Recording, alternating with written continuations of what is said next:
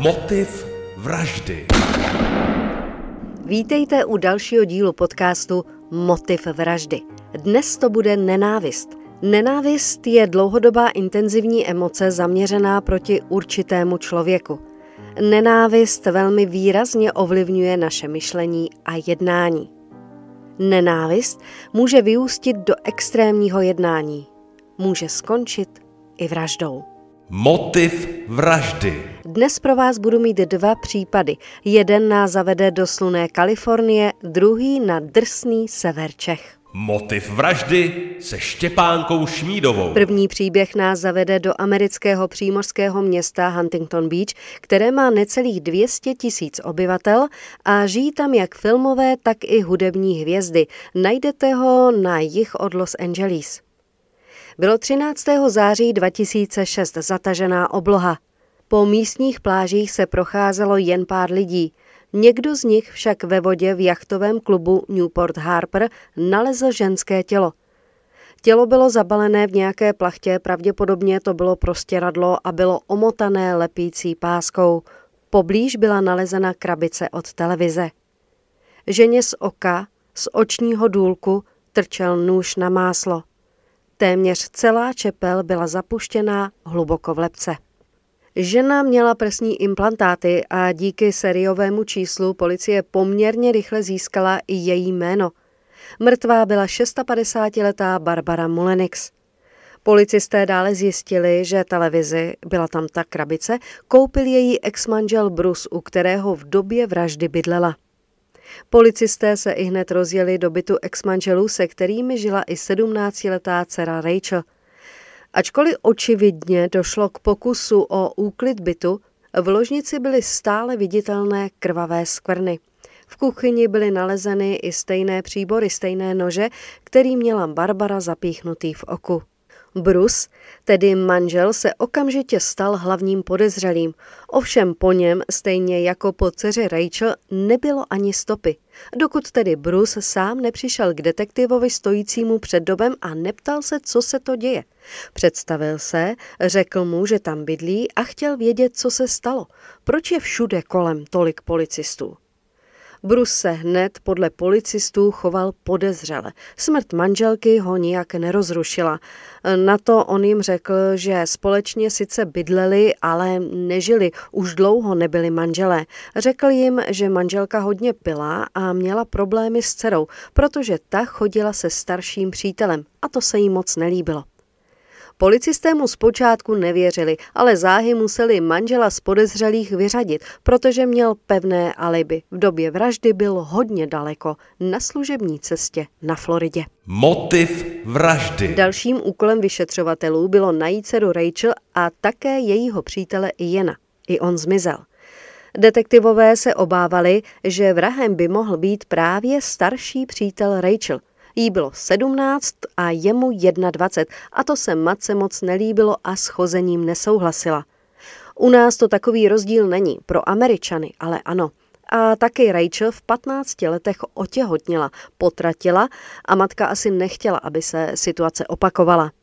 Policie tedy vyhlásila celostátní pátrání a zanedlouho dvojici dopadla v Louisianě. Když byli oba milenci ve vazbě a rozdělili je, Řekla Rachel detektivům příběh, kterému moc nevěřili. Povídala o tom, jak Ian zavraždil její matku a jí jak unesl, že mu musela pomáhat s úklidem po vraždě a že byla donucena s ním odjet, že je prostě obětí únosu. Při tom výslechu byla Rachel hrozně hysterická a plakala. Vyšetřovatelé ale viděli videozáznamy z kamer z benzínové pumpy krátce poté, co Barbara byla zavražděna a Rachel se na nich nechovala jako unesená. Zdálo se, že se pohybuje úplně volně a chová se jako Ianova přítelkyně. Ian vyšetřovatelům řekl, že mu Rachel vyprávěla o tom, jak ji matka týrá a jemu vyhrožovala, že pokud Rachel nenechá, zavolá na něj policii, udá ho pro zneužití. Poslední kapkou měl být pozdní příchod Rachel domů, za který to od matky pěkně schytala. Jediným způsobem, jak situaci vyřešit, bylo podle dvojice zabít Barbaru. Zabít matku Rachel. Jen se opravdu pokusil minimalizovat účast Rachel na vraždě. Ale když se případ dostal před soud, státní zástupci Rachel vybarvili jako jasného strůjce vraždy. Dopomohla k tomu i malá lest od policistů. Když je převáželi mm, snad k výslechu, Posadili je společně do zadní části policejního vozu, no a samozřejmě je odposlouchávali.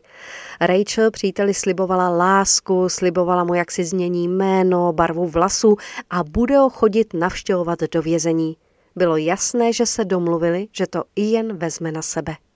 A jak to tedy doopravdy bylo? V osudnou noc přišel jen zadními dveřmi do domu Mulenixových. Společně s Rachel pak zaútočili na spící Barbaru, kterou bodali a bodali. Barbara měla po celém těle 52 bodných ran. Její tělo ukryli do krabice od televize, naložili do auta a odvezli do přístavu, kde ji hodili do moře. A pojďme se ještě na chvíli vrátit do minulosti Barbary.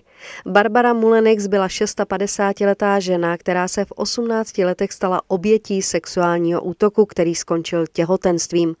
Barbara dala dítě k adopci, byla dvakrát vdaná. Z prvního manželství měla syna Alexe a z druhého právě Rachel, se kterou si svého času byly velmi blízké. V nějakém rozhovoru dokonce Rachel uvedla, že její dětský život byl jak Disneyland. Barbara toužila potom stát se filmovou hvězdou, dokonce si zahrála epizodní roli v seriálu CSI. Jenže Barbara začala mít velký, ale opravdu velký problém s alkoholem, no a to mělo za následek, že se občas chovala nevyspytatelně a iracionálně. Po čtyřech dnech jednání porota Rachel usvědčila a odsoudila na 25 let vězení. Ian byl později také usvědčen z vraždy prvního stupně a dostal stejný trest, tedy 25 let. Jak moc může vlastní dcera nenávidět matku? V době vraždy se Rachel s Ianem znali pouhé tři měsíce. Motiv vraždy. Najdete mě na Instagramu i Facebooku jako Motiv vraždy. Motiv vraždy se Štěpánkou Šmídovou. A přidám i český případ, za kterým se vydáme do Chomutova. V prosinci 2006 se 17-letá Anna zamilovala do 20-letého Petra. Matka Anny s chozením od začátku nesouhlasila. Podle ní byl Petr problémový. Matka se snažila svou dcerou úspěšnou gymnazistku a milovnici koní ze vztahu vymanit. Bála se, že opět začne chodit za školu, jak to již v minulosti udělala, když se zamilovala. Proto navrhla, od kdy do kdy se oba smějí výdat. To se ale zamilované dvojici vůbec nelíbilo. Dívka proto svou novou lásku požádala, aby její maminku, její matku zabil. Netuším, jak dlouho nebo jestli vůbec se zdráhal a jak vraždu probírali, ale mělo to skončit slovy Já tě mám rád, pro tebe udělám cokoliv. 23. ledna 2007 Petr uAny přespal. Mezi pátou a šestou hodinou raní šel do ložnice spící matky a dal jí ránu kladivem do hlavy. Někteří kriminalisté si ale mysleli, že první ránu zasadila Ana. Potom se vrátil do pokoje za Anou, aby se domluvili, co bude dál. Za chvíli uviděli matku, jak vrávorá do koupelny. Mladík proto zasadil matce ještě několik ran kladivem. Nožem jí bodl do krku a potom jí podřízl krk. A jak pokračoval hrůzný čin dál? Z nábytkové stěny dvojice odmontovala skříň a tělo do ní uložili. Na nově koupeném rudlíku tělo odvezli a schovali za garážemi vedle jednoho chomutovského marketu. Nejprve chtěli tělo ukrýt v lese, ale kvůli těžkému terénu nebo snad kvůli velké zimě tam nedojeli. Skříňku pak přivezli zpět do bytu. Dcera s příbuznými pak nahlásila 39-letou matku jako pohřešovanou. Policistům bylo hned jasné, že se něco muselo stát, že matka nikam neutekla. Dle okolí šlo o slušnou rodinu. Žena byla nejen v práci spolehlivá, nepila, nefetovala. Před domem zůstalo její firemní auto. A jak se na vše přišlo? Petr se svěřil své sestře, která žila v Německu. Ta se rozjela do Čech a vše nahlásila na policii. I to, kde se nachází tělo. To bylo objeveno 5. února 2007. Anna se údajně pokoušela své matky zbavit už dříve. Například jí do jídla přidávala sedativa pro koně. Petr se zase své sestře svěřil, že pokud jim budou bránit ve stýkání i prarodiče, tak se jich také zbaví. Nezletilá Anna dostala 8 let, ale za mřížemi strávila jen 3,5 roku. Její přítel Petr měl za mřížemi zůstat 17 let.